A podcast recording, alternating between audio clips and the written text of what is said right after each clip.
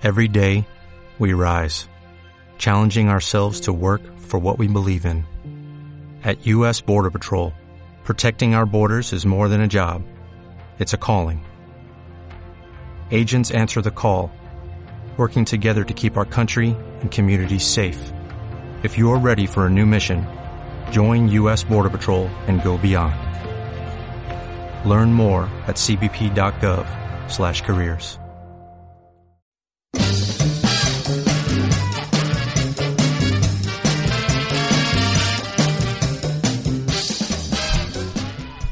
Hola a tots, benvinguts un dia més al Paciència del nostre programa que repassa l'actualitat científica amb una mica de gràcia, amb gracejos i una mica de eh, risites. de risites. Encarem el programa 319 amb més força, amb més ganes, amb més il·lusió que mai.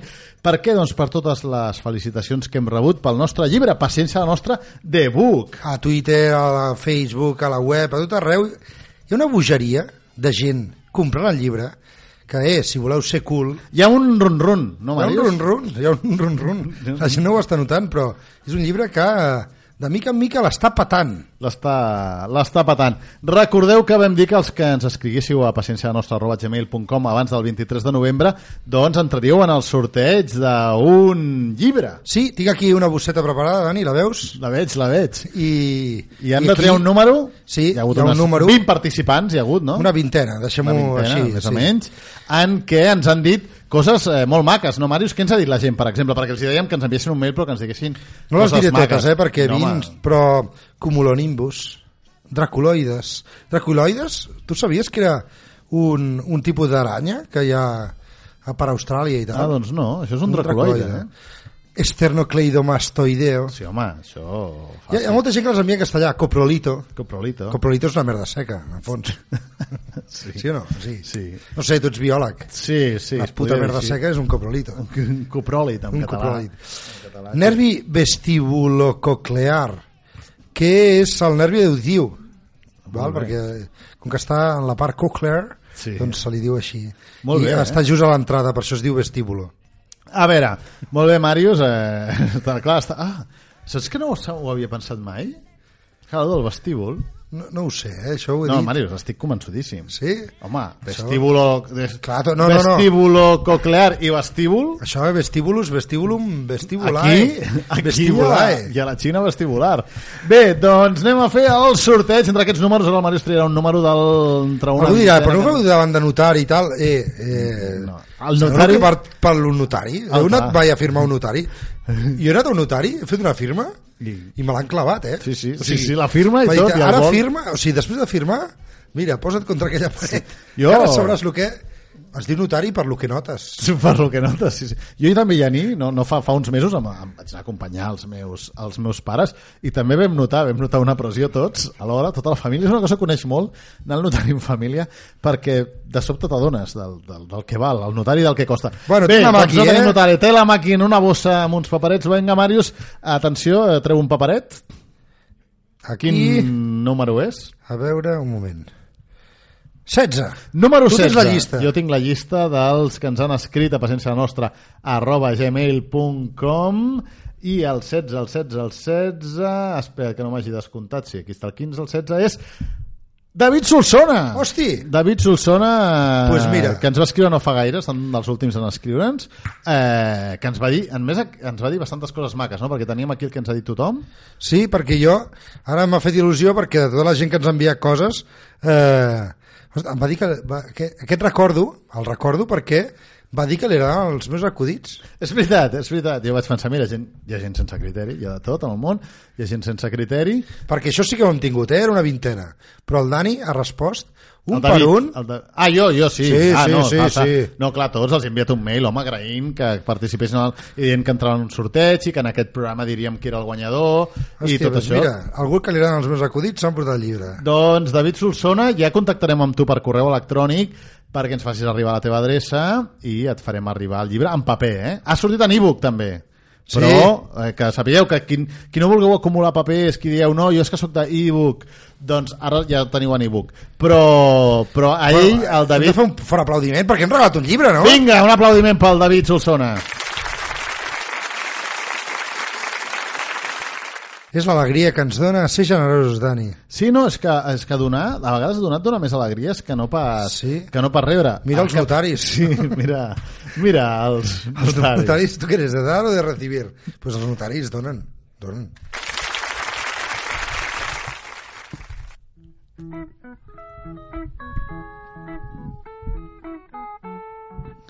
I som arder, i som arela, on de net.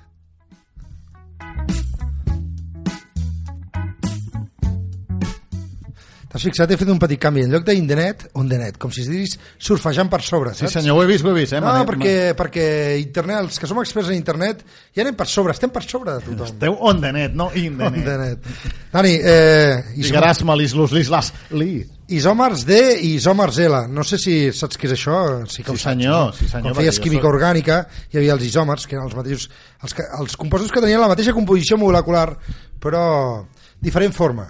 I els isòmers D o isòmers L Té són... alguna cosa a veure, perdona, ara pues et fico en un... En ha els un... dextrògirs D i L, levògirs. Però això té alguna cosa a veure amb la quiralitat o no? Tu com a... Jo diria que sí, però sí. És que saps què passa?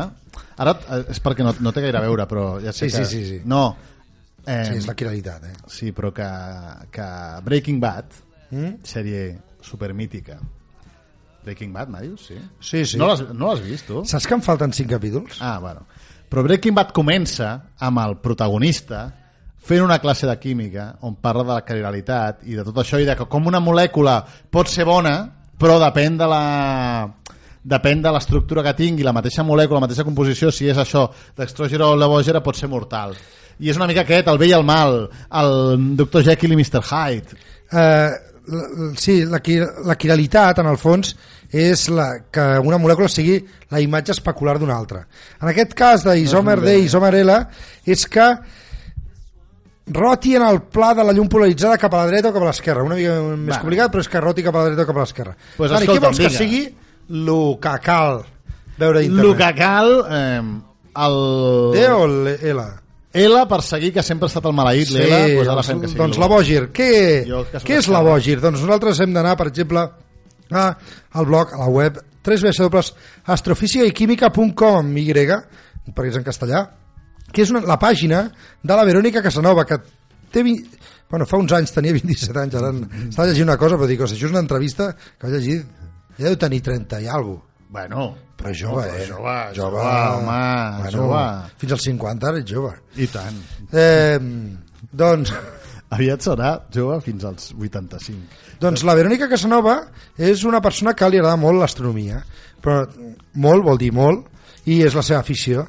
No ha estudiat astronomia, però és una experta, Dani, de la parraca, eh? Què podeu veure a la seva pàgina? Doncs des d'imatges astronòmiques del dia, notícies, articles sobre astronomia. Pots veure com està la lluna avui o el sol avui. Té, té allà les imatges de, Home, doncs, del Soho, bé, o sigui guai. que és una pàgina que us recomano molt que hi aneu. Després, un grup de Facebook, o una pàgina de Facebook, mai tinc molt clar la diferència entre un grup i una pàgina. I una persona, tampoc ho tinc molt clar. Ja, sí, ja, no, realment és difús. Haig de dir una cosa, eh? Sí. Semblava que el Facebook estava mort respecte al Twitter. Però tu al Facebook, fes un dia una prova, et fas una fotografia dels teus genitals i penja-la al Facebook i al Twitter. I veuràs que la gent, sí, passa com del Facebook, però estan allà. Estan, o sigui, cada dia van. La gent diu, no, el Facebook... eh, Cada dia estàs allà. Sí, sí. El que passa és que fins que no surten uns genitals no diu res. uns genitals o alguna cosa interessant. Perquè a mi. Bueno, De fet, al Facebook un genital està al censura. L'altre dia vaig posar una foto al Facebook que Sí? sortia un moble a l'Ikea que es deia Màrius. Sí, senyor. I de cop a sortir allà, Tothom. tothom, tothom estava al Facebook. Dius, hosti, que el pensava que estava mort. Doncs pues no, no està mort. El Twitter cada dia sí que el veig més moribundo. Sí, em sembla... Bé, això és una anàlisi Una- no, com a no, expert. Com a expert en... A veure, aquest programa, recordem que en uns inicis era de ciència i tecnologia, per tant, trobo que és molt bé que en un programa de Bueno, tecnologia doncs, un, facis aquest... una pàgina de Facebook que es diu tan- Meme, Meme Ciencia, Meme aquest, aquest anàlisi tan sesudo. Vinga, sobre. Vinga. Són memes de ciència. Oh, Saps que el Partit Popular havia dit de treure- de- d'eliminar Sí. els memes, de prohibir-los? Els memes de ciència, n'hi ha alguns de molt divertits, alguns que m'han agradat, te'n dic un parell. Vinga. Digo, a veces espero tener cianosis para estar azulado. Azulado. Azulado me siento seguro, azulado no dudo. Bé, Vinga. I un altre que m'agrada molt és un meme que diu el senyor és, és mi pasteur. El senyor Mi és mi Pasteur. Està molt Mi bé, està Pasteur. molt trobat, eh? El senyor és mi Va, pasteur. i Dani, una última recomanació, una app. Potser esteu fent el treball de recerca, potser necessiteu dades, eh, teniu uns amics i voleu analitzar, no ho sé, el seu comportament, i dius, com recullo dades? Com els hi faig un, un test i que em responguin? Com? Fins i tot que em puguin enviar imatges. Tu, per exemple, sortiu de festa.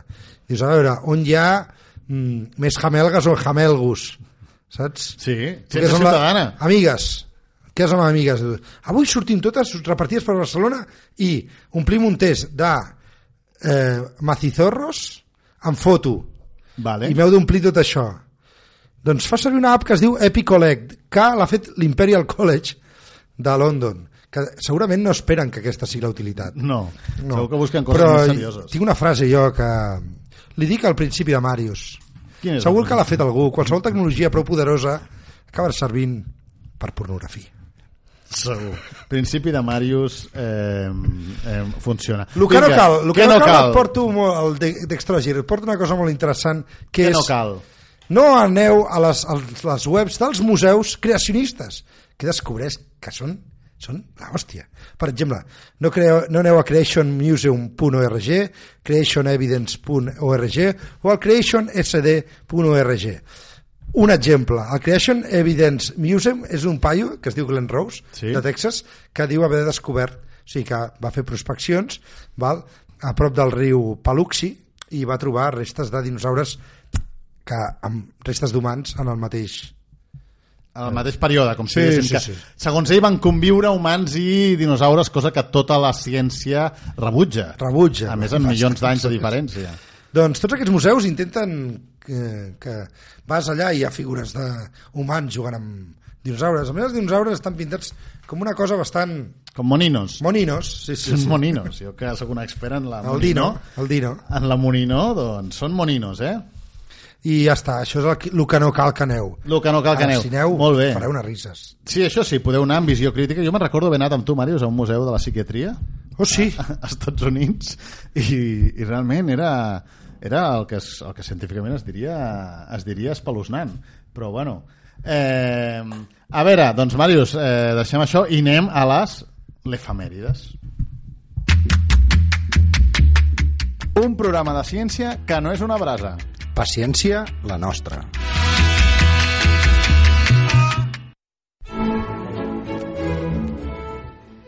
L'EFA. Mèrides. Tal dia farà tants dies. Dani, què ha passat aquesta setmana passada? Vinga, què hem tingut? Què, Què vols que comenci, per abans o per després? Què El que vols que vulguis, comenci, el- per passint, esquí... Passí, o- què passí fa... Ui, passaven moltes coses, aquesta setmana Sí? és molt activa. És una setmana sí. molt activa? Començo des del 26 de novembre cap enrere. Vinga. Eh, el 26 de novembre de 1922 Carter i Carnarvon van trobar la tomba de Tutankhamon, que no és molt... Cent... Sí, bueno, sí que és Home, científic. sí, clar, ciència pura i dura. O sigui, va ser Eh, aquesta setmana, eh? Sí, o el 26 de novembre, això, del 2011, nosaltres ja fèiem el programa, es va llançar la Curiosity. Sí, senyor. Que, la... Es va fer el 25 de novembre, anem un Que dia matava el enrere, la primera tomografia axial computeritzada, el TAC, El TAC, que el li va valer el Premi Nobel als seus creadors. El tac. El... Què més passi? Eh, doncs es va publicar el 24 de novembre de 1859 l'origen de les espècies de Charles Darwin. Home, o sigui, aquesta setmana... És el dia de l'orgull primat. Tens orgull primat, tu? Jo tinc orgull primat Jo també. i secundat. Vinga, que, que, que... Oh, trobo que Passi, realment... passaran moltes coses, eh? No, no t'ho pots ni...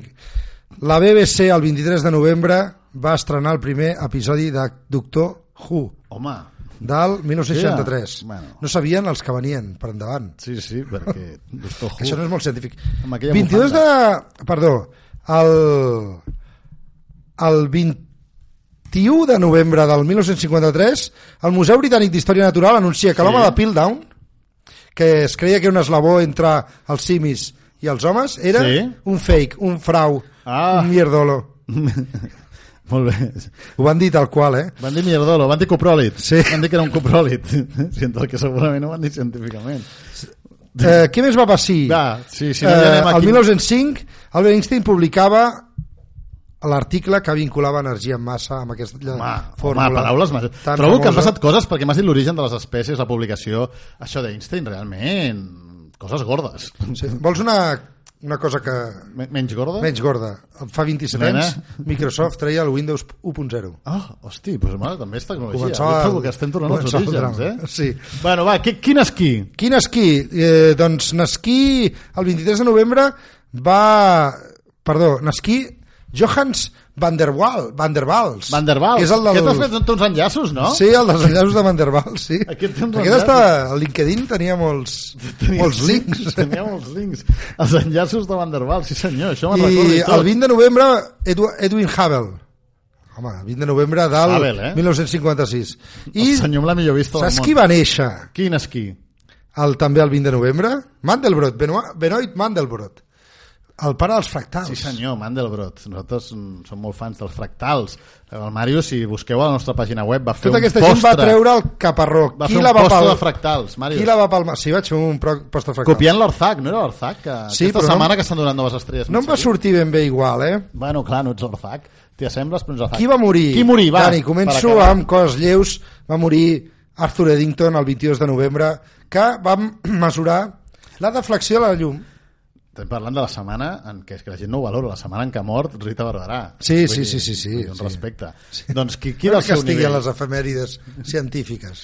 Bueno, va fer la Ciutat de les Arts i les Ciències. Sí, sí. A més de termodinàmica en sabia. El caloret i tot això, saps? Clar, tio, el caloret és termodinàmica pura. Va, doncs vinga, aquí qui deies? Perdona, eh? Eh, Arthur Eddington, que va mesurar la deflexió de la llum de les estrelles en un eclipse solar el 1919, que la primera prova de la relativitat general. Un experiment que hi ha molts dubtes que li sortís tan bé com ell va dir, però és que ell volia que Einstein tingués raó, perquè ell era un humanista que creia en que s'aproximava, hi havia tensions amb els alemanys amb els, i els jueus, i ell volia que tothom reconegués Einstein la part que li tocava. 25 de novembre de 1686 va morir Nicolás Steno, que tu diràs, qui és Steno? Qui és? Doncs és un dels pares, és que parlem poc de geologia, és un dels sí. pares de la geologia. Eh, és el primer astra, estratògraf, es diria? Estratògraf? Perquè va fer el principi de superposició, que el principi de superposició és, si està més al fondo, És és, que a- estava abans. Sí que és una senzillesa. Sí, però algú l'ha de fer el primer, eh? Que geològicament es diria aplastant. I saps qui va morir també, Dani? Qui morí? posaràs molt trist. Qui?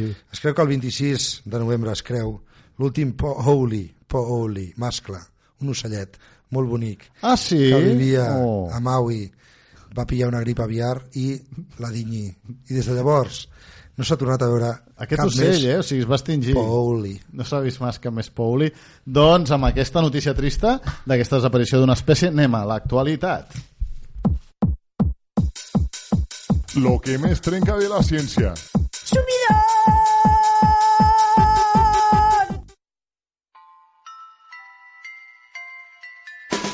Bacteria. Bacteria. Look, there's bacteria. Bacteria. Bacteria. You might not see them, but they're there. Bacteria. Bacteria. Everything you touch. No les veus, però estan allà, eh? Estan allà, són Bacteria. allà, són els Bacteria. bacteris. Recordem que la gran majoria són inofensius pels éssers humans, n'hi ha unes quantes que no, i també un tema que hem tractat moltes vegades en aquest programa és les resistències que cada vegada més bacteris estan fent als antibiòtics, el mal ús dels antibiòtics, els abusos en animals, la capacitat que tenen les, No volem ser alarmistes, però la cosa està malita i això va increixendo. Sí, hi ha molts experts que diuen que estem tornant a una era de preantibiòtics perquè cada vegada això hi ha més gent que no li fan efecte a, a aquests tractaments i llavors els La gent no investigadors... n'és conscient, però molts de vosaltres potser heu tingut un familiar a l'hospital que ha agafat un, ba un bacteri i... Sí, i a vegades et quedes més a l'hospital pel bacteri que per la malaltia per Exacte. la qual hi has anat. Bé, doncs avui sempre estem donant ben, sempre estem donant notícies així com una mica mm, negatives o alarmants sobre aquest tema i avui tenim una possible solució pues perquè no, alegria! un estudi, bueno, tampoc és això, però un estudi que han fet al, Festa! al MIT, al Massachusetts Institute of Technology, a la Universitat de Brasília i a la Universitat de la Colúmbia Britànica, que han fet Eh, a veure, tots els éssers humans es veu que tenim uns pèptids, Màrius, uns pèptids antimicrobians, que són unes petites molècules d'entre 10 i 50 aminoàcids, que són capaços Anava a de... dir, els pèptids formen part de les proteïnes, oi? Sí senyor, sí senyor, Home, molt bé, tio, Màrius, és que- és que ets una bèstia, has après tant És que he aquest pres tant programa. en aquest programa. Eh, doncs que són capaços de matar, de matar microbis, microorganismes. Doncs ara el que ha fet aquest grup de científics és, han dissenyat un d'aquests pèptids, l'han com millorat, han fet com una versió millorada perquè, eh, d'una banda, mm, mati directament més bacteris dels que matava, o sigui, sigui més eficaç, però de l'altra que també estimuli el sistema immunitari de les persones per eh, que elimini la infecció. O sigui, seria una mica de com una eina perquè, per augmentar l'eficàcia. Es veu que fa com uns forats als bacteris i els acaba eliminant i de l'altre això et potencia, et potencia les defenses. Per tant, és un camí, és un pas per aconseguir tenir nous tractaments que facin front a aquests bacteris eh, sobretot els que són resistents, perquè n'hi ha que ja són resistents a tots els el que diuen multiresistents, que són resistents a tots els extra... eh, tractaments que hi ha actualment. I per tant, si tens això, mm, si Benvingut, sí, eh? millor aquest tractament. Però imagina que tu tens, Màrius, un bacteri multiresistent que et provoca una gastroenteritis i, i resulta que cap tractament et fa cas, pues et fa res, per tant, el- per cagar-te. La clor... Hi ha una que es diu... El Clostridium difficile, Sí. que com el seu nom in- indica, saps, saps com és d'erradicar? Sí, és difícil, eh?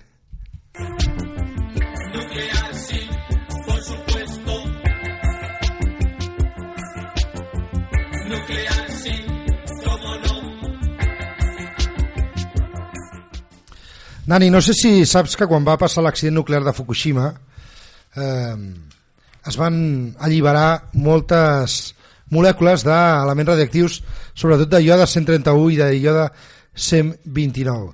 Doncs saps on s'han mesurat aquestes quantitats ara o, i on s'ha mirat com van augmentar en aquell moment?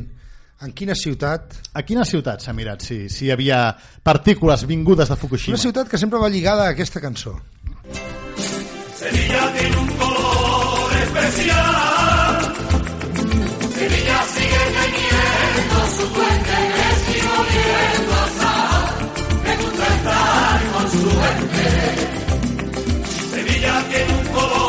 Cádiz? Estem parlant de Cádiz?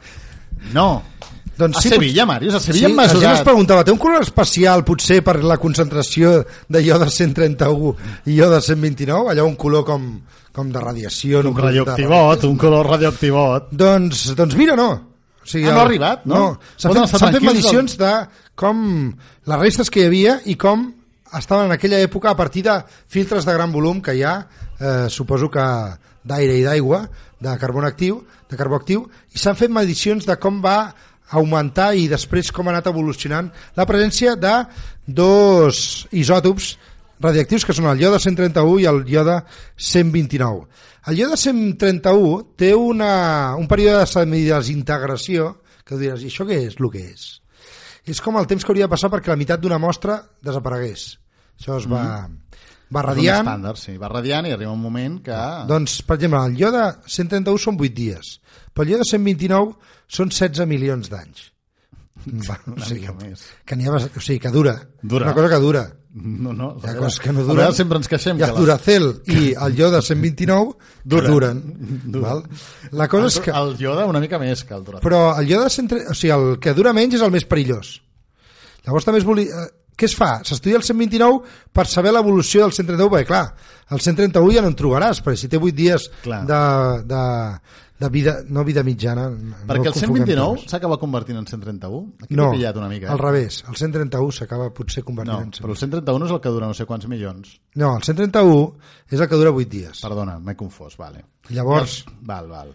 Llavors aquest acaba passant a 129. a- Pot això, acabar passant. això no t'ho sé dir ben bé. Sí, jo crec que perd algun electró, Sí, algun però- protó, algun neutró. sí. El que perdi per tornar-se a 129. I el 129 és menys perillós, però dura milions d'anys.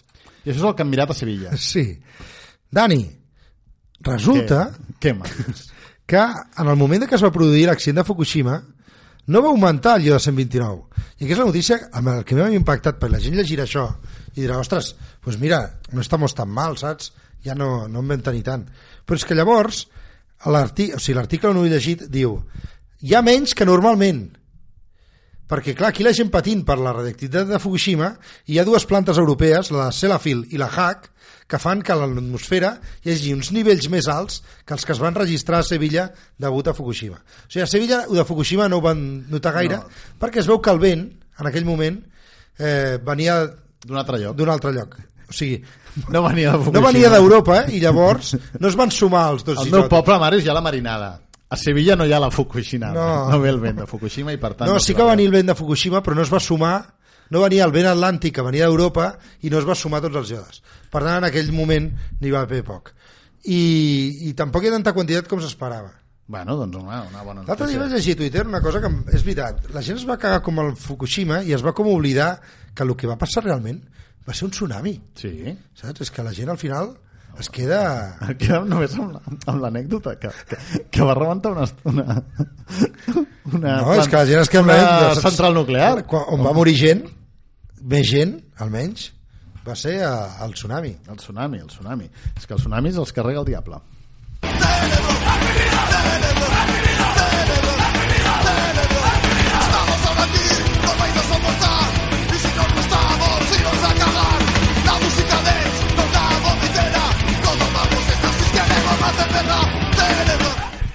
Parlem no de serveis exprimits, sinó de serveis que han estudiat, que han posat en una ressonància magnètica eh, funcional, i els serveis d'aquí eren, doncs, eren de persones obeses.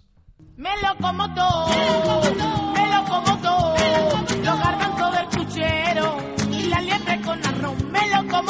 Una mica faltona aquesta cançó, Mari. M'he sent... eh, però, és que, bueno, no, però jo et diré que m'he sentit molt identificat amb l'estudi i a més no entenc que sigui una sorpresa. No, perquè jo t'explico què han fet. Ells eh, s'havia fet estudis de mirar com... Però tu em dius a mi, Màrius, tu que tens sobrepès. Tu no tens sobremès, Màrius, perquè tu els quilos, tothom t'ho ha dit, que et senten molt bé, et fan més atractiu. El Màrius, pels que no el conegueu, és un tipus atractiu. Quan... Que les dones se'l miren pel carrer. Jo, el meu metge em va dir, fas metre 80, tens 100 i, i no direm la quantitat més, doncs aquí diu que estàs en l'obesitat. I vaig dir, molt bé. Llavors tu, jo, considerant que sóc obès, Dani, penso, a mi em dius entre els diners i el menjar? És que, que com algú té... No, és que no m'has deixat ni, ni explicar, ni explicar l'estudi, però sí, sí. No és això, és això. A veure, no, Màrius, jo t'explico. Havien agafat gent... Més diners, ja què vols que et digui? Havien agafat- A mi em dius uns peus de porc Amb botifarra de la negra. mort, amb botifarra negra, que l'altre dia ens vam fotre una, per cert. Una mica excés de botifarra negra. Sí, sí, sí, sí. sí, sí vam I dius els diners? Ara els vam compartir perquè la gent es pensa que sou uns glotons. No, el Màrius es va menjar la meitat i jo la meitat. També vam menjar la meitat d'un costillar. Però això és un altre tema.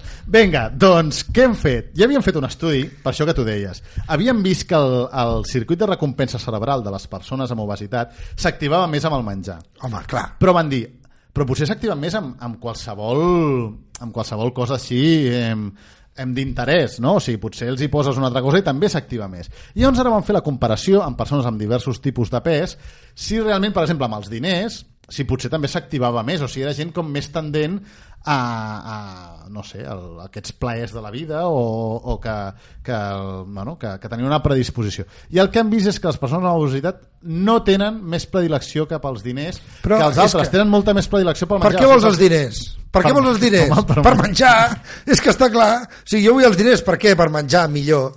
Doncs posa'm el menjar directament, que no hagi de fer Bé. intermediaris als mínims. Els mínims. Doncs això és el que van fer i van veure que realment la gent amb obesitat i sobrepès eh, el seu, o sigui, és una cosa també que té el seu cervell, o sigui, és un mecanisme. Llavors el que diuen els metges és que potser també s'ha d'intervenir per aconseguir activar aquest circuit de recompensa cerebral doncs, amb altres estímuls que no siguin eh, el menjar. Per exemple, la, la búsqueda de bolets. Si tu resulta que tornes de sobte un apassionat de buscar bolets i t'aixeques a les 4 Però jo saps per què els busco? Per menjar. Per menjar-los.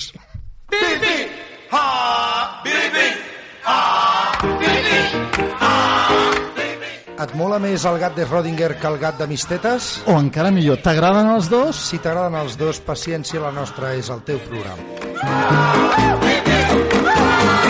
Paciència, la nostra.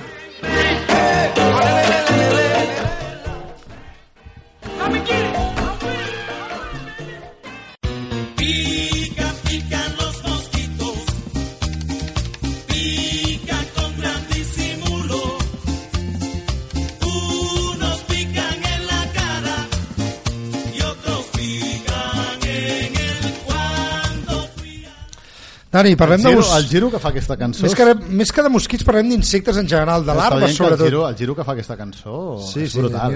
Em deixa sempre corprès. Vinga, eh, què deies? De què parlem? De mosquits, Parlem no? de mosquits, no, de larves que mengen, o sigui, de larves, per exemple, de mosquits, d'insectes, que mengen fulles. Però, Dani, saps per què s'estudien les mossegadetes de les larves que mengen fulles, de mosquits, per exemple? No. Per veure com la van palmar, saps qui? Qui? George i Dan, no, els dinosaures. Mi dinosaurio va donde voy, siempre con él contento yo estoy. Es un tontorrón, pero tiene buen corazón. Quiere bailar y nunca sabe cómo empezar. Dani, fa 66 milions d'anys, sí. un rocamen que va venir d'uns 10 quilòmetres de radi, de, de diàmetre, va xocar contra la Terra, va fer una explosió, això es mesura com els camps de futbol, però quan és una explosió és amb bombes nuclears, doncs ni una ni dos, sinó eh, 7.000 milions de bombes atòmiques. L'equivalent Val? a 7.000 milions de Això va aixecar tot de pols, val? que va assumir tota la Terra una... Això és una cosa que heu de tenir en compte. Si, si ve un meteorit un dia per exterminar-nos, mm. el millor és estar sota, eh? Però la gent diu, ah, no, però si toca una altra banda, no, no, no. Només està sota El el millor meteorit. està sota el meteorit. Saps què passa? Que quan el meteorit impacta contra l'atmosfera i comença a entrar, la pressió de l'aire et crema. Ja està. No viu res més. Val. I aquí s'ha acabat. El que ve després, si estàs lluny, és que el- et sumeixes a una foscor absoluta, val? No les plantes comencen a morir, Perquè Clar, no, no reben la llum del sol. si ets persona, doncs, la recerca de menjar, matar el teu veí, menjar-te'l... Tot això són coses que et pots evitar si Sí, estàs in- just a sota. No, perquè la gent no, no sap de lo que parla quan diu no, jo, eh, potser no ens cau a sobre. No, ojalà. O que estiguin en un refugi nuclear i dius, però sortir per què? Sortir, sí, a fer què? A fer què? què A menjar-te, sí, que no entrin a menjar-te. Bé, Dani, Vinga. què va passar, però? Una, una incògnita que sempre hi ha hagut és si en la zona on va impactar, que és com el golf de Mèxic, eh, és l'hemisferi nord, si hi va haver alguna zona de la Terra on no afectés a totes les plantes. Pensa que tots els din- dinosaures que no eren els, el que diem aviars o avians eh, la van palmar directament. I els insectes també les van passar molt magres, però després van regenerar-se. Hi ha, de moment, evidències de que els insectes eh, del, de l'hemisferi nord van trigar més que els de l'hemisferi sud. O sigui, quatre vegades més en repoblar-se i tota la vegetació també. Com s'estudia això? Doncs això, mirant les mossegadetes que fa, van fer les larves dels insectes en fulles que han quedat fossilitzades. És increïble. És increïble. M'he- Sí. deixat- M'has deixat és que aquí corprès. parlem d'això, hi ha un paio allà comptant mossegadetes. Un becari. Un becari pobre que no deu ser ni mileurista, pràcticament. Doncs sí, sembla que sí, que a sí, és l'hemisferi sud? Ah, no. a l'hemisferi sud, la cosa, la vida va, Va reviscular més ràpidament. I ara una notícia, una bona notícia per aquest becari que està fent això de les mossegadetes, que no tingui pressa per investigar. ¡Eh, niñato! Sí, tú. Te estoy hablando a ti, mocoso. Escucha, bebé, que un biberón te daré. ¿Qué pasa, niño? Te damos miedo, ¿verdad? Porque somos tipos duros de la tercera edad. Sin disciplina no tenemos nada que perder. No, tengo dientes, pero aún te puedo morder. No me mires así porque lleve bastón. No es por si me caigo, es por si armo follón. Soy experiencia. Hago de mi arruga virtud pura. Doncs parlem de l'edat en, què, en què es fan els grans descobriments en ciència. Hi havia ja la, la, la tendència a creure que els grans descobriments, que els, els, els avanços més rellevants que fa un científic, es fa normalment a la seva joventut, quan comences, quan aporta idees noves, quan pot ser trencador, i que en canvi amb l'edat d'una banda o s'acomoda o té moltes tasques administratives perquè ja no està tant al laboratori sinó que ja mana sobre altra gent i on sí que es deia una mica que el que no hagis fet amb, abans dels 35 40 anys, per exemple la medalla Fields, Màrius de De matemàtiques, matemàtiques. es dona a menors de 40 anys. Doncs que ja no ho faries. Però ara un estudi eh, dona un bri d'esperança obre una finestra a tots els investigadors que no hagin fet res de bo abans dels 35-40 anys perquè han analitzat quan es produeixen al llarg de l'edat els, allò, mm, troballes significatives i han vist que és independent de l'edat que, no, que sinó que és una mica més el tema de l'atzar i que, o del camp que s'estudia i sí, clar, a vegades moltes vegades són doncs, mira, la sort de, de, de fer una cosa novedosa i que funcioni, que no el tema de l'edat. O sigui, que això de creure que quan ets més jove és més creatiu i pots d'això més, doncs que potser no seria així. O sigui, si sou investigadors... Aquell paio que va trobar la molècula aquella fluorescent, tu te'n recordes? Sí, D'unes home, la- algues Sí, no? La, que va guanyar el Nobel? Aquest tio no es pensava que havia trobat res. No, va trobat un mierdolo, però després... de trobar un copròlit. Avui veieu que tot el programa està lligat. Bé, doncs que us sapigueu que si sou investigadors no tingueu pressa. Potser ho descobriu als 50, als 60, us donen Sí, el... no cal Mira, tenir el Higgs- carnet jove. Al Higgs li van donar el... Bueno, ell ho va trobar, va, ho va, Sí, va estàs- proposar el no estàs posant un- un exemple. un No, exemple. és que tots els que em surten són de joves brillants, però bueno, que hi ha gent que...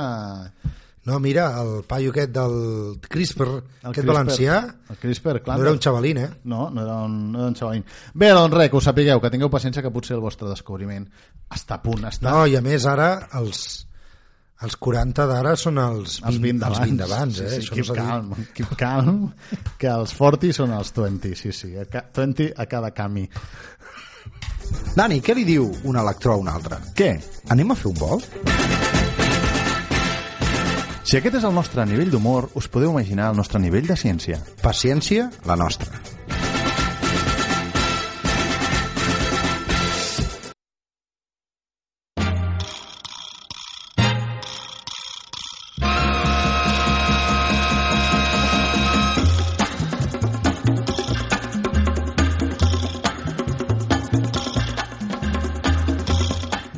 Avui parlem de recerca, Màrius, però no, no d'una recerca com, com la que normalment tenim al cap.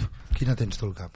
No sé, doncs en el laboratori, amb una pipeta, amb una proveta, Ah! amb una bata, allà... Ah, no? Jo no. visqué a l'ICO. Amb un microscopi. Jo T'haig de dir la veritat, no m'he llegit molt l'entrevista. No, ja ho sé, perquè no tens Jo temps. visqué La a vida no i que és d'aquestes que inoculen càncers a, A ratolins. a ratolins. que és un clàssic, això es fa molt No, a l'ICO. no- no és així? No, no, no avui, avui no, no, no, no. Tenim un altre tipus de recerca que també està bé parlar-ne, perquè la gent es pensa això, que tothom va amb bata i està tot el dia en un laboratori, i no, avui tenim una investigadora que es dedica a l'epidemiologia, es diu Laura Costas, i és investigadora del programa de recerca en epidemiologia del càncer de l'ICO i d'Ivell. Hola, Laura. Hola. Què tal? Molt bé.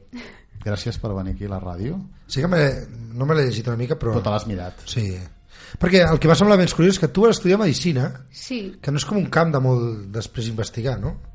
I, i llavors et vas especialitzar en salut pública. sí, jo sóc una mica rara perquè vaig fer medicina i no veig pacients i vaig fer recerca i no estic als laboratoris. Llavors és una mica difícil d'explicar. El lim de... de, de... Sí, clar, clar. Ah, Val, no, o sigui- ho has, de- ho has definit molt bé, perquè clar, és això. No? I... Com, com, o sigui, tu acabes Medicina i no... Com decideixes no veure pacients? Vaig que és fer- la, pri- la primera cosa que vas eliminar. Vaig fer l'especialitat que es deia Medicina Preventiva i Salut Pública que tracta la salut de poblacions. Ah, Llavors jo, clar, jo era molt pel·liculera i en lloc de tractar pacients individuals jo volia tractar poblacions senceres. Tractar-nos a tots de cop. Sí. Està bé, és més pràctic. En comptes de tractar No, una clar, persona, clar. si pots tractar-ne mil de cop... I després, llavors, quan vas començar a estudiar, o sigui, a investigar, també és epidemiologia, no? Llavors, Sí, hi ha la salut pública, que fa referència a tot això de la salut de les poblacions, i després l'epidemiologia és la, la disciplina científica que t'ajuda a estudiar-ho. Tot el Per que... exemple, què, què, fan els epidemiòlegs? Sí, clar, Què perquè la gent que Posa'ns es situï algun una mica. exemple. Per exemple, al, al programa heu dit diverses coses. Lo de la grip aviar, heu mencionat. sí, sí. que parlem porta- molt aquest T'estava escoltant. Mira, más uno. Mas uno, ja tenim una oient. Llavors, què fa un Què més? epidemiòleg? Espera, que estava... Ah, sí, sí. Hem dit alguna més? De, de, de... Sí, heu dit les malalties nosocomials. Quan vas a l'hospital Sí, no ho hem dit una així infecció. perquè nosocomials són les malalties que, que agafes a, les infeccions que agafes als hospitals. Exacte. Què més heu dit? Determinants de salut. Està grassonet, per exemple. Això no ho hem dit així. Però sí, sí, sí. sí. Està. Clar, tu, com, es tu com considera... a epidemiòleg, el Màrius, oi que el veus bé? El veus sòlid, robust. Jo hauria d'agafar dades com a investigadora. Hola, Això és... Ets un puto no, és. no, trobo que, trobo que molt Sí, molt polite. correcte, trobo que sí, molt, molt bé. polite. Molts bons Però- reflexos, eh? Molt bons, no, hauria d'agafar hauria d'agafar dades. Em sembla supergran. Clar, també l'epidemiologia tracta, per exemple, l'obesitat. O sigui, no... Sí, tant. Com una epidèmia. Com a epidèmia i com a, com a factor de risc de, per exemple, el càncer. Hi ha molts càncers que s'asso- s'associen a l'obesitat. I llavors, vale, llavors tu dius que estudieu això, però com, això com es fa? O sigui, la pràctica, eh, com s'estudia? Perquè sona molt abstracte, això. O sigui, vosaltres, el teu tu, dia a dia... Quin exemple d'estudi has fet? Per exemple, amb l'obesitat he fet algun estudi. Hi Pots mirar el Dani mentre... És que, sí. Què, Que miri el Dani, és que m'està mirant quan parla l'obesitat. No, perquè ets tu que estàs preguntant. Escolta'm una cosa. Per exemple, explica, no, què, què feies d'obesitat, per exemple? Ha Mira'm a mi, mira'm a mi. estudis de casos i controls que, en el que tu reclutes pacients que tenen càncer i persones que no en tenen. Vale. I tu fas aquest mostreig randomitzat, que no els agafes segons el que pesen. I després mires el, tota la sèrie de, de Mires tot de mesures... dades? Sí, tot de dades, i entre elles el pes, l'alçada... Ai, perdó. Ai, No, pes. perquè ha dit l'alçada, No, no, no, l'alçada no. i el Màrius és alt. No, no. Calma. Però ja pots Màrius és com mirar-me, un Sant ja- Pau, el Màrius és alt com un Sant Pau. I compares si, si hi ha alguna relació o no. Sí, sí, per exemple, els pacients d'algun tipus de càncer doncs resulta que tenen més obesitat que la gent... Hi ha relacions? Sí, moltes. Per exemple, amb el mieloma, amb el càncer d'endometri, tots aquests s'associen Mira, d'endometri no has de patir, Màrius. Guai.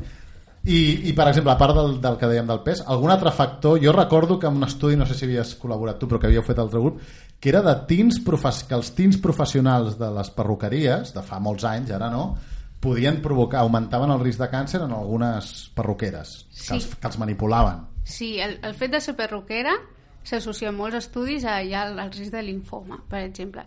I després el que Sí, mirar perquè vosaltres, per exemple, agafeu 100 persones amb linfoma, 100, per, 100 o 1.000 amb linfoma, 1.000 persones normals, i llavors veieu que, en el, que, el, que les perruqueres tenen més que altres professions. Exacte. Però clar, per endevinar que són perruqueres, els heu de fer un test de 30.000 preguntes, Sí. perquè pot ser on viuen, l'aigua que beuen... Estan una hora I com arribes a, a saber què és, la, què és per la professió?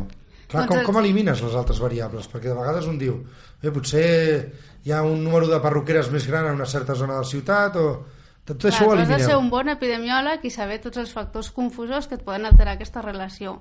I el qüestionari ho reculls tot. Estan una hora responent preguntes, entre elles les que tu consideres que podrien alterar aquesta relació. O sigui, que, que fer un qüestionari d'aquests, que de vegades la gent rep un qüestionari d'aquests i diu, aquí em pregunten a l'Ava Balà, està pensat tot el que pot afectar Està i molt pensat, per poder sí, sí. I llavors aquí vau arribar a la conclusió, per exemple, que les perruqueres, no, no les d'ara, no, perquè han canviat una mica els tins, potser gràcies a aquests estudis, Amb també? aquest estudi es preguntava específicament si havien utilitzat tints del cabell, quan els havien utilitzat, durant quant de temps, quin tipus, i es va veure, jo encara no havia arribat, però el que vam veure és que els tints que s'utilitzaven abans dels 80 i que eren de color fosc, no, no, els, no quan et poses rubio platino, sinó quan et poses morena, s'associaven al risc de leucèmia. Sí, clar, però arribar a això... Clar, a més això té molt impacte, perquè potser són coses que afecten a molta gent i pots arribar com a, a, a haver de que, a que canviar els hàbits o que, que alguns productes s'arribin a prohibir. Sí, de fet, es trobava abans dels 80 perquè la composició va canviar molt durant aquest temps, per sort. Però va ser per això o va, és una casualitat que es canviés la composició? Es va canviar perquè es deuria veure en animals que, que feia Ah. alguna cosa i nosaltres, bueno, el nostre grup ho va confirmar amb aquest estudi. O sigui, heu salvat de, a, a moltes perruqueres del, del món o heu ajudat a salvar moltes perruqueres del món que no ho saben. Exacte. Sí. No, bueno, no, és però vull dir que a vegades dius la sí. recerca, a vegades queden coses molt abstractes i això per què serveix, però clar, en el vostre cas, si, si veus aquesta causa-efecte, doncs... Clar, nosaltres sempre busquem factors modificables que tu puguis canviar i que t'estalvin un número de casos de càncer. Tu, tu ara has dipositat la tesi doctoral, no? De, de què era la teva tesi? La meva tesi era de factors hormonals, entre ells els reproductius, o de tenir fills, prendre hormones, els anticonceptius hormonals, la teràpia hormonal substitutiva i el càncer, i el linfoma en concret. I també els disruptors endocrins, que són els productes químics aquests que, que t'interaccionen amb el sistema endocrí. Eh, i, ara, un moment. Com, com, o sigui, vosaltres ja des, o sigui, trieu, trieu una mica perquè sabeu que hi, hi ha com una evidència o una sospita, no? Sí. En el fons, el, el número d'estudis que es podrien fer d'epidemiologia són infinits. Sí, sí, molts, però clar, tu has de tenir alguna hipòtesi i nosaltres, per exemple, vam començar a estudiar això perquè vam veure que en un estudi, en diversos, però en, en un nostre, es trobaven que els riscos en les embarassades, en les que havien tingut molts fills, eren menors amb les que no havien tingut. I vam dir, igual és que la, les dones amb els estrògens tenen menys risc de càncer i per això les, el risc de linfoma és més alt sempre en homes que en dones. Mm. Però la tesi no ho confirma, això. Ah. Així. Clar, jo anava a dir, justament, fent aquest tipus d'estudi, no teniu molts fails de- d'esperar una cosa i, Sí, hi ha molts resultats negatius. i clar, és que els resultats negatius són un altre tema en la ciència, no? Perquè, clar, Són importants també, veure que Són no hi ha... L'únic que, clar, vosaltres preferiu, bueno, clar, eh, suposo que quan busques alguna cosa és perquè esperes trobar-ho. Sí, Però, home, clar, per la són tan població és millor clar. no trobar-ho. però clar, són tan importants i no tenen el mateix impacte Mm. i sempre hem parlat dels resultats negatius que no es publiquen i llavors potser hi ha gent comparant les mateixes coses Sí. en l'epidemiologia és molt típic que passin aquests resultats negatius i tenen el mateix impacte o... Bueno, en la meva tesi he publicat cinc resultats negatius, així que s'han arribat a publicar, Ah, o sigui, però que en aquests casos importa, o sigui, també és interessant veure que hi ha coses que no afecten sí, però tens raó que hi ha molts hi ha biaixos amb, la sistemàtic, amb les revisions sistemàtiques, per exemple, que només tenen en compte els que s'han publicat i hi ha gent que quan té resultats negatius no ho publica, llavors això no ho pots tenir en compte. Però hi ha unes coses estadístiques que al final tu pots arribar a saber si hi ha gent que no ho ha publicat. Fan com una espècie de gràfic Està tot, Està tot pensat. Feu, feu epidemiologia de la no publicació. Sí, senyor, exacte. Es, clar, I llavors, eh, el, per exemple, tu ara també, eh, ara has dipositat la tesi, la llegiràs d'aquí poc, no? Sí, I també portes un estudi, ens vas dir, sobre, atenció, càncer nasofaringi a Malàcia. Primer, què és el càncer nasofaringi? el càncer nasofaringi és un, un càncer que es troba a la part del darrere del nas, entre la fari, a dalt de la faringe i a darrere del nas. I què té a veure, i, i per què Malàcia? Sí, perquè Malàisia. Per què Malàsia? Què passa a Malàsia amb aquest càncer? Allà és que tot el sud-est asiàtic les taxes d'incidència d'aquest càncer són molt altes i sobretot amb una, un, una ètnia que es diu Vidayu, allà són molt altes. I se sospita... Sigui, vosaltres, per exemple, clar, una altra feina és veieu que en un lloc hi ha més casos de càncer que la, que la mitjana mundial. Sí. I llavors dieu, bueno, aquí ha de, ha de passar alguna cosa. Això és perquè és un estudi amb la IARC, que és l'Agència Internacional del Càncer. I clar, ells treballen amb tot el món. Nosaltres treballem sobretot amb... Sigui, les dades aquestes hi ha algú que les té, té centralitzades de tots els hospitals del món o sigui, el tipus de càncer i tot està... No està centralitzat, però la IARC, per exemple, diu aquí hi ha una taxa d'incidència molt alta, farem un estudi i mirarem per què. Llavors van allà i fan... Llavors t'han triat a tu per... per Llavors jo havia d'anar allà a Lyon i al... sí, a Lyon, ai, perdó, a la IARC i al final, com que quedo aquí a Barcelona, doncs mantenim la col·laboració i jo treballaré amb la IARC des d'aquí amb l'estudi de Malàsia. Però a tu no hi vas.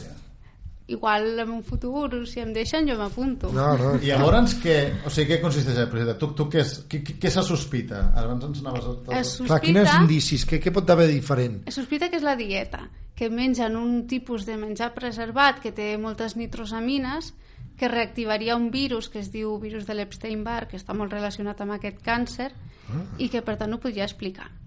Hòstia, però arribar fins aquí, clar, has d'haver provat 30.000 coses, perquè pot ser l'aigua que beuen, el, si fumen no sé què, si... Sí, bueno, ja en tot de... primer tu fas un estudi exploratori, ho mires tot i dius, igual sembla que va per aquí. Ja sembla... I aquesta tribu en concret menja més d'aquest mm, menjar envasat o com has dit que era? Pre és eh, preservat, és així com salat. Hi ha un tipus Ah, de- vale. d'aquest menjar que és un peix salat que ja s'havia associat abans amb càncer, amb el càncer nasofaringi. Llavors eh, es mirarà específicament... Oh, com si un bacallà que no... Mira, tenim sí, sort de tenir bacallà i no tenim Sí. No, I de fet també un estudi del, del vostre grup va, eh, també relacionava les begudes molt molt calentes, el mate i tot això també amb càncer d'esòfag, de beure...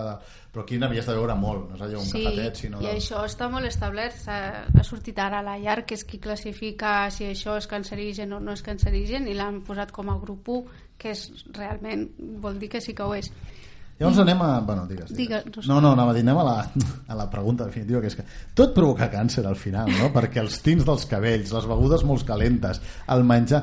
No, vosaltres que investigueu això, la gent no t'acaba dient, és que tot provoca càncer. Sí, la veritat que sí. Al final la, la gent s'acaba pensant que tot eh, és el mateix i tot dona càncer, però clar, s'ha de tenir en compte la fracció atribuïble, que això és més difícil d'explicar, que és la magnitud de l'associació i, i, i aquesta exposició si t'explica molts casos o molts pocs. Per exemple, el del pernil, que va passar, ai, el del, els Sí, carn- embotits i la carn sí, processada, la carn processada.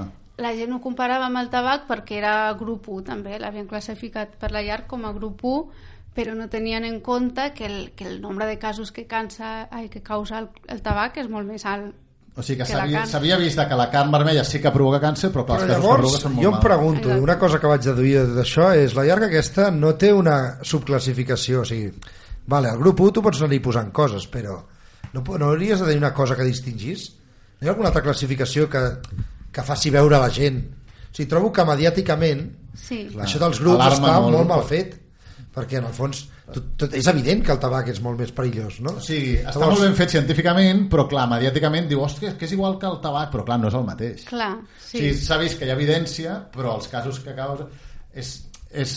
No hauria d'haver un grup 1 a escala com una Richter cancerígena, saps? O sigui, Quan ho, ho classifiquen sempre intenten posar el nombre de casos que, que causaria, però clar, és molt difícil, la gent es queda amb el grup però 1 podries fer alarma. grup 1 A, primera divisió, segona divisió. Sí, però Sí, hi ha que- gens...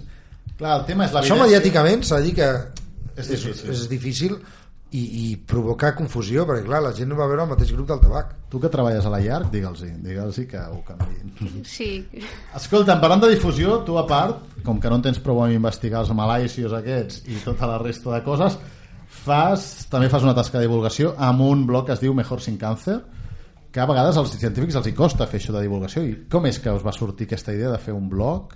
doncs va sortir per, per això. Primer perquè la gent es confonia molt amb tot dona càncer i després perquè per internet i per la tele començaven a haver hi ha molts bulos de... de si, si ja és difícil explicar el que ho causa, si ja et comencen a dir que oler limones previene el càncer i tot això, ja encara era més difícil. I dèiem, Home, el nosaltres... Josep que ens Pàmies està allà sempre... Sí, hi ha uns xarlatans que estan allà amb els seus remeis. I llavors vosaltres vau fer un blog per combatre això i doneu el que diu per la ciència. Exacte, per donar la informació contrastada. I també no, no fem classificació de grup 1A, però vam fer un gràfic molt xulo de boletes que et deia el càncer et causa tots aquests casos, molts. I la carn processada, tots aquests, que eren molt petits. Llavors així la, la idea, eh, la gent va tenir idea de, de la magnitud. Jo, però jo dic, el, el gordote aquest, digue-li... Ah, A, i els i aquest... altres. A majúscula i a minús. Escolta, i qui el feu el blog aquest? Sou tot investigadors? Sí, investigadores, som bàsicament, 10, 9 investigadores i un investigador, som quasi tot dones. I eh, en, els, ens revisem les entrades sempre dues de nosaltres, convidem els oncòlegs o investigadors en càncer a que escriguin. Sigui, que, el, que els continguts que hi ha són... I és, és molt habitual que sortim publicacions? Que l'actualitzeu Publi- sovint? Sí, publiquem un cop al mes mínim i anem traient sempre contingut antic perquè ja tenim més de 50 entrades o... Pues escolta, mejor sin càncer, eh, ja ho sabeu. Sembla que no tenim temps per més. Ui, queden només 4 minuts, Màrius. Per tant, eh, moltes gràcies, Laura, per venir Gràcies a Paciència a la nostra. Investigadora del programa de recerca en epidemiologia del càncer de l'ICO i d'Ivell. Eh, no tenim temps de fer agenda, però tu tens alguns acudits xatxis? Bueno, xatxis, tira l'agenda. Doncs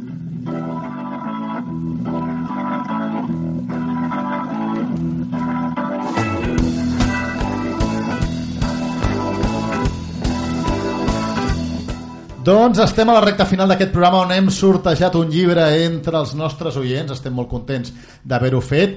I aquest oient, justament el que ha guanyat, el que el sorteig ha dit que, que guanyava, una de les coses que ens va dir en el seu correu, el David Solsona, és que li agradaven molt els acudits del Màrius, Sí, i ara sí. el Màrius, com a homenatge al David, guanyador del llibre Paciència, la nostra d'angle editorial, li dedicarà aquests acudits per veure si se'n penedeix de la seva frase. Vinga, Màrius! Eh, avui va de dinosaures, perquè hem parlat una mica de dinosaures, Dani. He agafat, he agafat aquells acudits que hem explicat en algun programa. Algun de nou, eh? Vinga, ¿Cuál es el animal más asustadizo de la prehistoria? qual? El terrordáctilo. Molt bé, està bé. ¿Cómo se llama un dinosaurio policía? Com? Triceratops. Tot això és d'internet, eh? És curiós. No, home, no, evidentment. Si creues un triceratops i un cangur, saps el que surt? Què? Un triceratops. aquest, és, mira, aquest, no Aquest està bé. Sí. Sí. que m'ha fet gràcia, perquè és com un metacudit, perquè diu, ¿por qué el dinosaurio cruzó la carretera? Porque las gallinas aún no habían evolucionado. Està Clar, molt bé. Les gallines. Molt bé, Màrius. Sí. Uh, nivelón. Eh, Saps com es diu un dinosaure que va trepitjant tot i ho, ho, ho rebenta al seu pas? com? Tyrannosaurus crec. El següent també està bastant bé. No, espera, aquest, ah. aquest m'agrada més d'una altra manera. Sobre el taló es veu un porc, molt gran, molt vell. De quina pel·lícula es tracta? Quina? Jurassic Park. Està molt bé.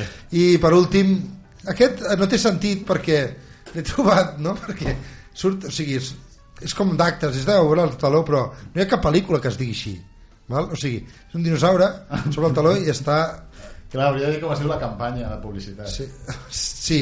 com es diu la campanya? Sí. No, però explica'l. Sobre el taló i es veu un dinosaure injectant-se heroïna Sí. que per cert no deu ser un tiranosaurus rex però tenen aquelles putetes Que no es pot injectar, no s'arriben- no s'arriben a injectar després heroïna. un altre eh, consumint cocaïna i després consumint marihuana Sí, com es diu la campanya publicitària de l'Estat?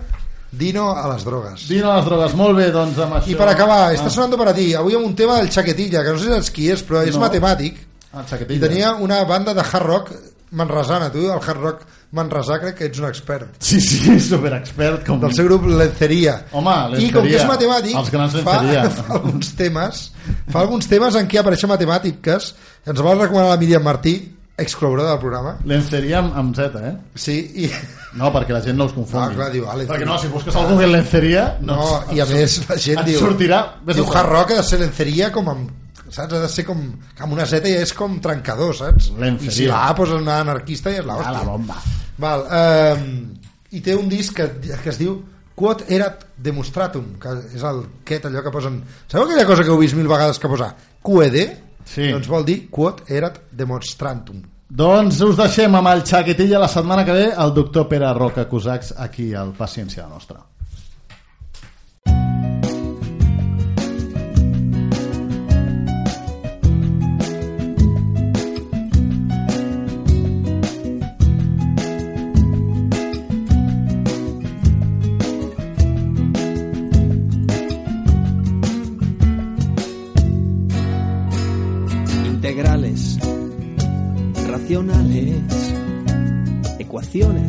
Con derivadas parciales, u formas diferenciales en sus campos sensoriales. Son conceptos que tienden al olvido. Teoremas, lemas y problemas fueron de mi juventud centinelas axiomático paraíso en que no cabe discusión de una trivial demostración.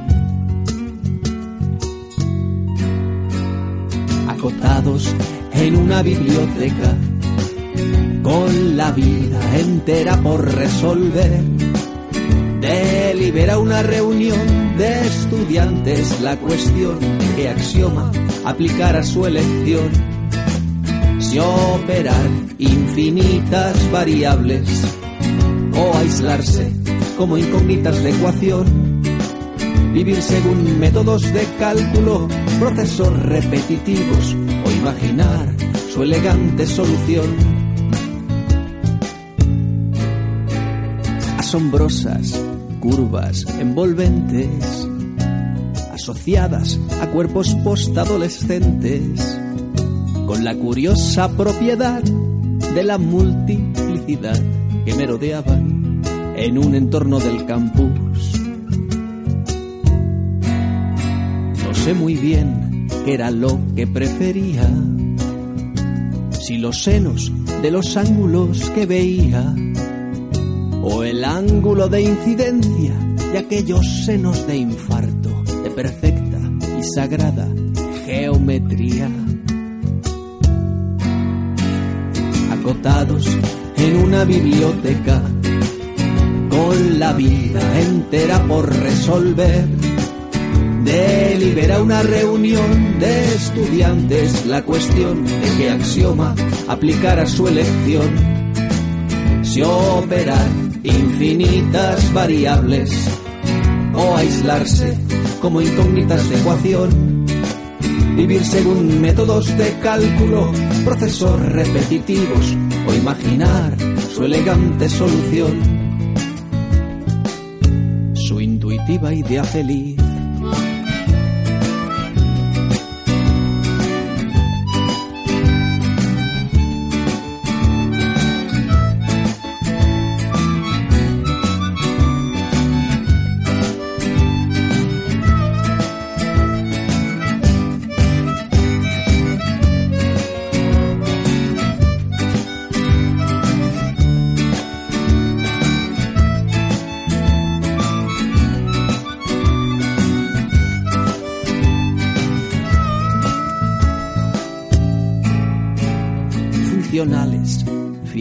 Tangenciales, donde jugábamos a las probabilidades de dormir acompañado o quedar emparentado con elementos pertenecientes al conjunto vacío. Variedades diferenciales, entender tus propias singularidades. Newton, Leibniz, Poincaré, Euler, Gauss y Ballestras fueron fieles compañeros de viaje. Acotados en una biblioteca, con la vida entera por resolver. Delibera una reunión de estudiantes la cuestión de qué axioma aplicar a su elección. Operar infinitas variables o aislarse como incógnitas de ecuación. Vivir según métodos de cálculo, procesos repetitivos o imaginar su elegante solución. Su intuitiva idea feliz